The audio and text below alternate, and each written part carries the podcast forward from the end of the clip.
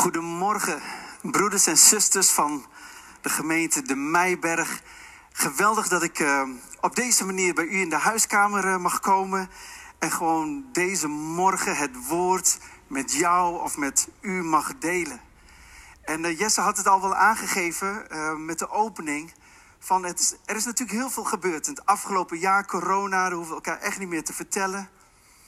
En daarom heb ik ook gekozen voor het thema als alles is veranderd. Want er is nogal het een en ander veranderd. En als je kijkt naar corona, dan zal het voor de een wat meer verandering hebben gebracht dan voor de ander. En in het afgelopen jaar ben ik toch nog regelmatig uitgenodigd om te spreken voor gemeentes. Het zij echt alleen maar online of echt tegen een schermpje aan. Of meer hybride, dat de mensen in de zaal zitten. Um, en online. En naarmate de corona vorderde uh, en ik met broeders en zusters sprak, hoorde ik dat ze zeiden: Mijn passie dreigt te verdwijnen. Ik zeg: Waarvoor dan? Voor, voor wat? Nou, passie voor Jezus. Passie misschien wel om samen te komen, want je kunt ook gewoon vanuit je bed kijken. Uh, passie om het woord te lezen om toch die energie nog te houden, om echt God te zoeken. En dan kwamen ze bijvoorbeeld gewoon om even daarover te hebben. En soms had ik de mogelijkheid om voor ze te bidden. En toen dacht ik, dingen beginnen te veranderen. En ik wil deze morgen, wil ik jullie, eh, wil ik gewoon bemoedigen en inspireren. Wat kunnen we doen als alles is veranderd? En wat voor een impact heeft dat op ons? En ik denk dat het heel goed is om daar even bij stil te staan, want misschien is je situatie veranderd. Sommigen zijn hard geraakt door corona. Het zij fysiek, het zij misschien door een baan, een onderneming. En een ander minder hard. En sommigen die hebben misschien wel de beste tijd, zeg maar, als het gaat om hun bedrijf. De beste tijd, zeg maar, van hun leven. Maar wat het ook is, deze morgen wil ik opnieuw aangeven dat wat Hebreeën 13 vers 8 zegt. Dat Jezus Christus is gisteren en heden tot in alle eeuwigheden is hij nog steeds dezelfde. Hoe je situatie ook is veranderd. En terwijl je naar me kijkt en terwijl je naar me luistert, denk je van Melvin, dat, dat kun je wel zeggen, maar jij snapt mijn situatie niet. Jij hebt niet meegemaakt wat ik heb meegemaakt. Dan is het fijn om te weten dat we een hoge priester hebben die echt met je kan medevoelen. Die echt met je kan meevoelen waar je doorheen gaat. En terwijl ik hiermee bezig was, moest ik echt even aan Noach denken. En misschien heb je dat al de afgelopen tijd al een paar keer gelezen. Want toen Noach de ark inging, toen was de wereld letterlijk en figuurlijk veranderd toen hij de ark weer uitkwam. En dat geldt voor ons ook een beetje. Dat zeg maar toen we corona ingingen en weer langzaam uitgaan, heel erg langzaam. We weten nog niet zo goed wanneer het einde zal zijn. Maar is de wereld veranderd? Misschien is jouw hart veranderd. Jouw zienswijze, jouw denkpatroon. En uh, ik ga zo meteen een klein stukje lezen, maar ik wil eigenlijk het meest vanuit mijn hart spreken, gebaseerd op het leven van Noach. En ik wil gewoon iets meegeven. Weet je dat het woord ark hetzelfde Hebreeuwse woord is als het biesemandje van Mozes? Dus dat biesemandje van Mozes heeft hetzelfde grondwoord als ark. En de reden waarom ik dat even aan wil halen is omdat God had, zowel bij Mozes als bij Noach, had hij het reddingsplan voor ogen. Ik geloof vanmorgen dat God ook een reddingsplan voor jou heeft. En misschien kunnen we het niet zien. Mozes was eigenlijk nog te klein om het te begrijpen. Maar Noach, ik weet niet of hij het zag. Maar wat hij nou wel of niet zag, hij vertrouwde God. En misschien zijn je geestelijke ogen op dit moment helemaal niet echt scherp. Jesse had het over slapen. Misschien is dat onze status. Maar ik wil je bemoedigen. Als je het niet helemaal kan geloven dat God een plan heeft voor jou, misschien kunnen we hem vandaag dan wel vertrouwen. Dat hij het beste met je voor heeft. Dat hij je vandaag in dat biesemandje van Mozes wil plaatsen. Dat hij je misschien wel heeft geplaatst in de ark van Noach. En dat het echt klein was. Dat het klein was in de ruimte waar je in hebt gezeten. Maar dat je mag weten dat Gods plan erachter groot is. Ik ga niet helemaal uitdiepen over het verhaal als het gaat om de zondvloed. Maar in ieder geval in Genesis hoofdstuk 8, vers 9, dat wil ik heel even met je lezen. Daar staat, doch de duif vond geen rustplaats voor het hol van haar voet en keerde tot hem in de ark terug, omdat op de gehele aarde water was. En hij stak zijn hand uit, hè, dat is Noach, greep haar, de duif, en bracht haar tot zich in de ark. Je kent het vast wel, dat Noach liet eerst een raaf uit en daarna een duif. En er wordt gezegd dat de duif kon geen rust vinden. Kunnen wij vandaag de dag nog rust vinden? Kunnen wij rust vinden in de dingen die zijn veranderd? Je omgeving is misschien veranderd. De hele stijl van samenkomen is veranderd. Misschien mis je gewoon dat contact. En natuurlijk missen we elkaar. Want je wilt elkaar ontmoeten. Je wilt elkaar een knuffel kunnen geven op het moment dat iemand door een moeilijke tijd ingaat. Je wilt iemand een schouderklopje kunnen geven als hij successen heeft in zijn of haar leven. Maar je wilt in ieder geval contact. En misschien zijn er heel veel gebieden in ons leven wat onrust met zich meebrengt. Dat we net als deze duif, als het ware, worden uitgelaten alsof we rust proberen te zoeken in een omgeving die veranderd is. De duif was niet gewend om ergens te moeten vliegen waar hij niet kon landen om zich even te nestelen, om even te rusten, om even te eten, om even te ontspannen. De duif was niet gewend om in zo'n omgeving te moeten verkeren. En toch bevond die duif zich in zo'n omgeving. Dat geldt ook voor ons, hè? Misschien is onze ziel ontzettend onrustig over de dingen. En misschien ook niet. Maar de duif keerde terug. Want hij wist waar, of de Bijbel spreekt over een zij. Zij wist waar een plek was waar je kon rusten. En dat is in dat biezenmandje van Mozes. Dat is in de ark van Noach. Want Mozes was daar niet uit luxe in dat mandje. Nee, sterker nog, hij werd bedreigd met de dood. En misschien geldt het ook voor ons symbolisch. Of misschien wel letterlijk. Deze morgen wil ik je bemoedigen dat God zo op de hoogte is van jouw situatie. Dat hij jou symbolisch wilt leggen in dat biezenmandje van Mozes. Of in de ark van Noach. Dat als je niet gewend bent om rond te vliegen in een omgeving die volledig veranderd is dat je weet waar je naartoe moet.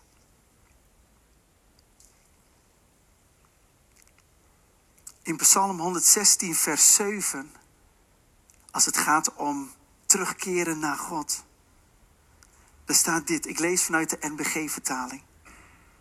Keer weder, zegt de psalmist. Keer weder. En dan, wie moet dan wederkeren? Dit is wat de Bijbel zegt. Keer weder mijn ziel. Daar zit ons verstand, wil en emotie. En waar moet je dan toe wederkeren? Tot uw rust, omdat de Heere u heeft welgedaan. Misschien moeten we vandaag tegen onze ziel zeggen, misschien moet ik tegen mijn ziel zeggen: Hé, hey, je bent niet gewend om in deze omgeving te verkeren.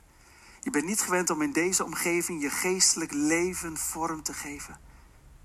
Keer weder. Keer weder naar de God die niet veranderd is. Keer weder naar de God die echt het beste met je voor heeft. En ik treed in herhaling, maar dat doe ik bewust, omdat ik wil dat je het niet meer vergeet deze week.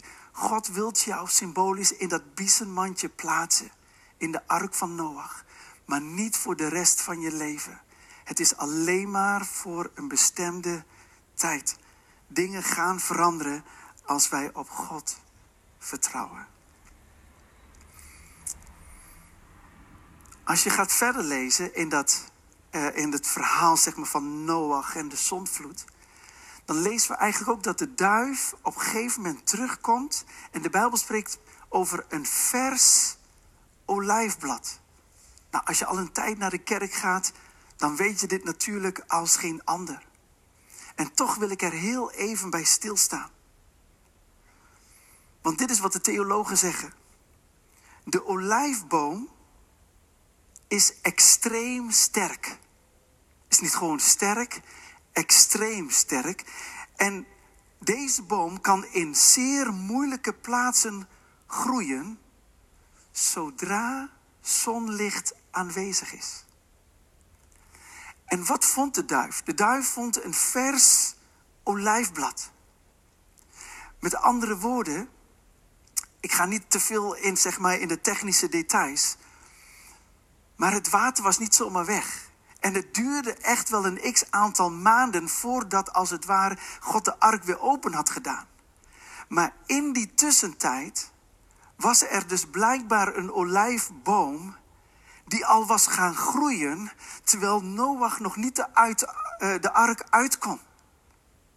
Maar deze olijfboom kan groeien in moeilijke omstandigheden. Wat wil ik daarmee zeggen? Dat terwijl we nog opgesloten zitten, symbolisch, soms zelfs letterlijk. Maar stel je voor dat er geen corona zou zijn en je zegt, Melf, ik voel me nog steeds opgesloten. Dan wil ik tegen je zeggen dat God ergens een olijfboom voor jou aan het creëren is. Om jou als het ware een olijftakje of een olijfblad mee te geven.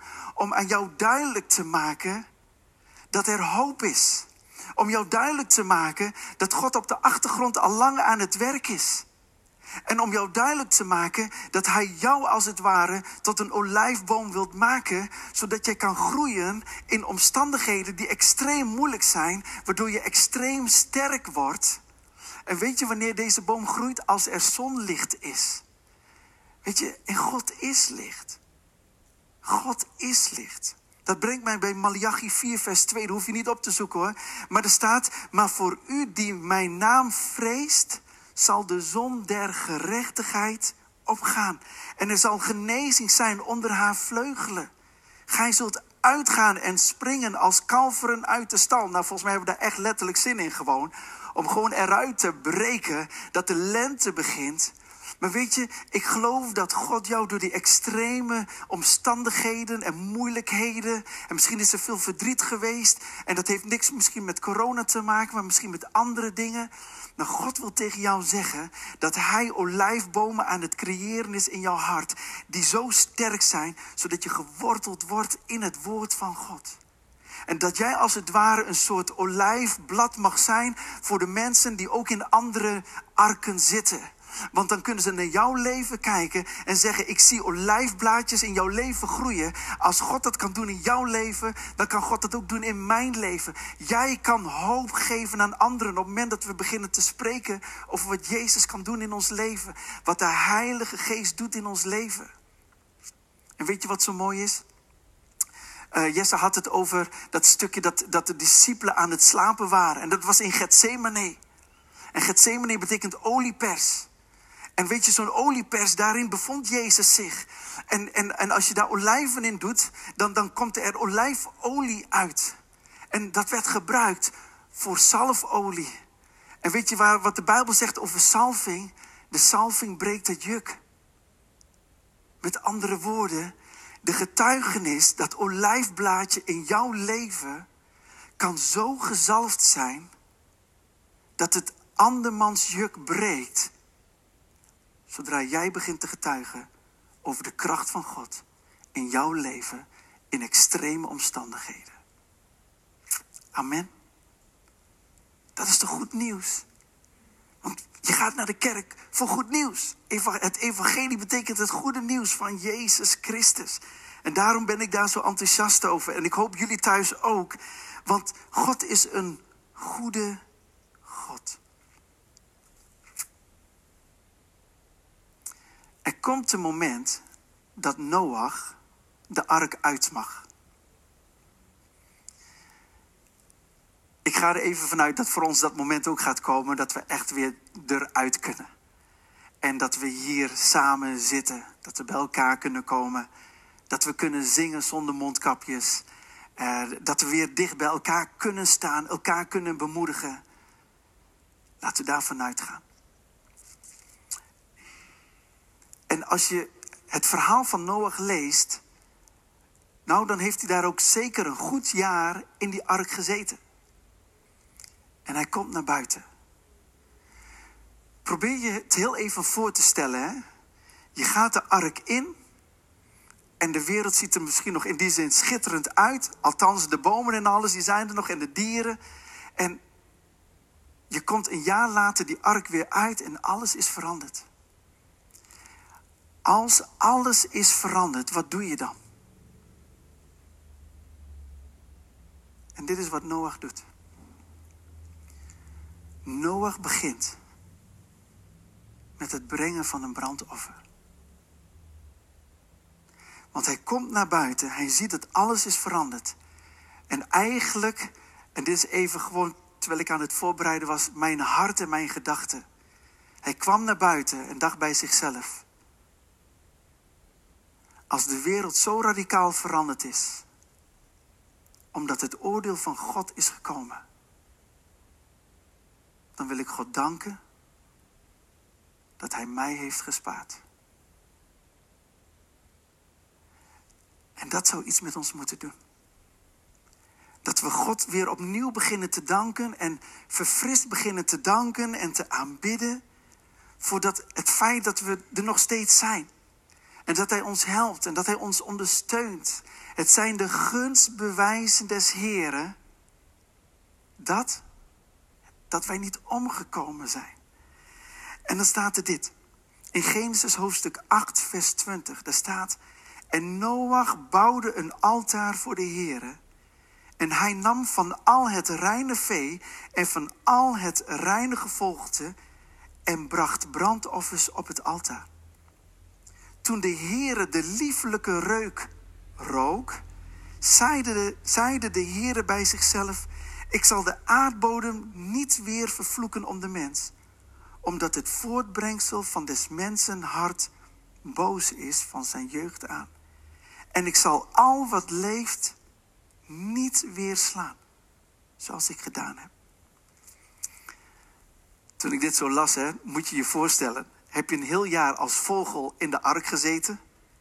Mag je de ark uit, word je geofferd. Ja, dat, dat is nogal vervelend. maar uh, dit was het eerste wat Noach deed. En soms zou het ook zo in ons leven kunnen zijn. Hebben een heel jaar ergens voor gezorgd, ergens opgepast. En dan voelt het bijna een situatie zoals Abraham en Isaac. Dat God tegen Abraham zegt, offer je zoon. Maar we weten allemaal wie geofferd is voor ons. Zijn naam is Jezus. En we groeien toe naar Goede Vrijdag en naar Pasen. En dan is het goed om hierbij stil te staan. Maar ik wil nog Voordat ik eindig, dit wil ik echt uitleggen. Want er staat in vers 21, toen de Heere de lieflijke reuk rook. Je moet je voorstellen, God is gek op aanbidding. Misschien heb je je um, een favoriete maaltijd. En als je thuis komt, en het kan ook zijn dat je ergens een keer bij je moeder thuis komt, of als je thuis komt en je man of je vrouw is aan het koken. En je stapt de, eh, de woning binnen en je ruikt het al, dat je al echt zoiets hebt. Oh, hier word ik zo blij van. Ik heb dat wel in ieder geval. En zeker als je aan het vasten bent. Als je aan het vasten bent, dan ruik je het al op kilometers afstand gewoon. Hè? En dat heeft meer te maken omdat je trek hebt. Maar je moet je voorstellen dat God eigenlijk ook op zoek is naar aanbidders die hem aanbidden in geest en in waarheid. En hij heeft, ga met me mee hè, in mijn gedachten. Hij heeft een jaar lang geen aanbidding geroken. Gelukkig is dat bij ons niet het geval. Hè? Even terug gewoon naar, naar, naar Noach. Hij heeft een jaar lang geen aanbidding geroken. En in één keer, na zo'n lange tijd, in één keer rook God weer. Waarvan hij dacht, hier word ik zo blij van. Dit is, dit is wat mijn hart verheugt. En weet je wat het woord liefelijk betekent in het Hebreeuws, dat betekent sussen, dat betekent verzachten en dat betekent rust geven. Noach betekent ook rust. Maar toen Noach begon te offeren en toen God het rook, kwam God tot rust. En hij zei, zo'n oordeel ga ik nooit meer vellen. Hij werd tot rust gebracht. Hij had het gemist. God de Vader had het gemist. Hij had het gemist dat er mensen zijn die hem willen aanbidden. Hij had het gemist, want hij wou eigenlijk helemaal geen oordeel brengen. Maar de zonde was zo groot dat hij niet anders kon als een heilige God dan om te oordelen. En wat ik wil zeggen is dit. Als alles is veranderd, is God nog steeds dezelfde. En als ik je één praktische tip mag geven, waar zouden we kunnen beginnen om veranderd uit deze tijd te komen? Zullen we dan samen beginnen dat onze vorm van aanbidding vernieuwd wordt en zo sterk wordt als een olijfboom? Dat er een salving vanaf komt dat hoop geeft aan deze wereld. Jij en ik, u en ik, wij kunnen het omdat de Heilige Geest in ons woont. De veranderde situatie heeft God niet veranderd. Het heeft ons misschien veranderd. Maar laten wij in die nieuwheid des levens, laten we daarin gaan wandelen. Want God is gisteren, heden, tot in alle eeuwigheden dezelfde. In Jezus naam. Amen.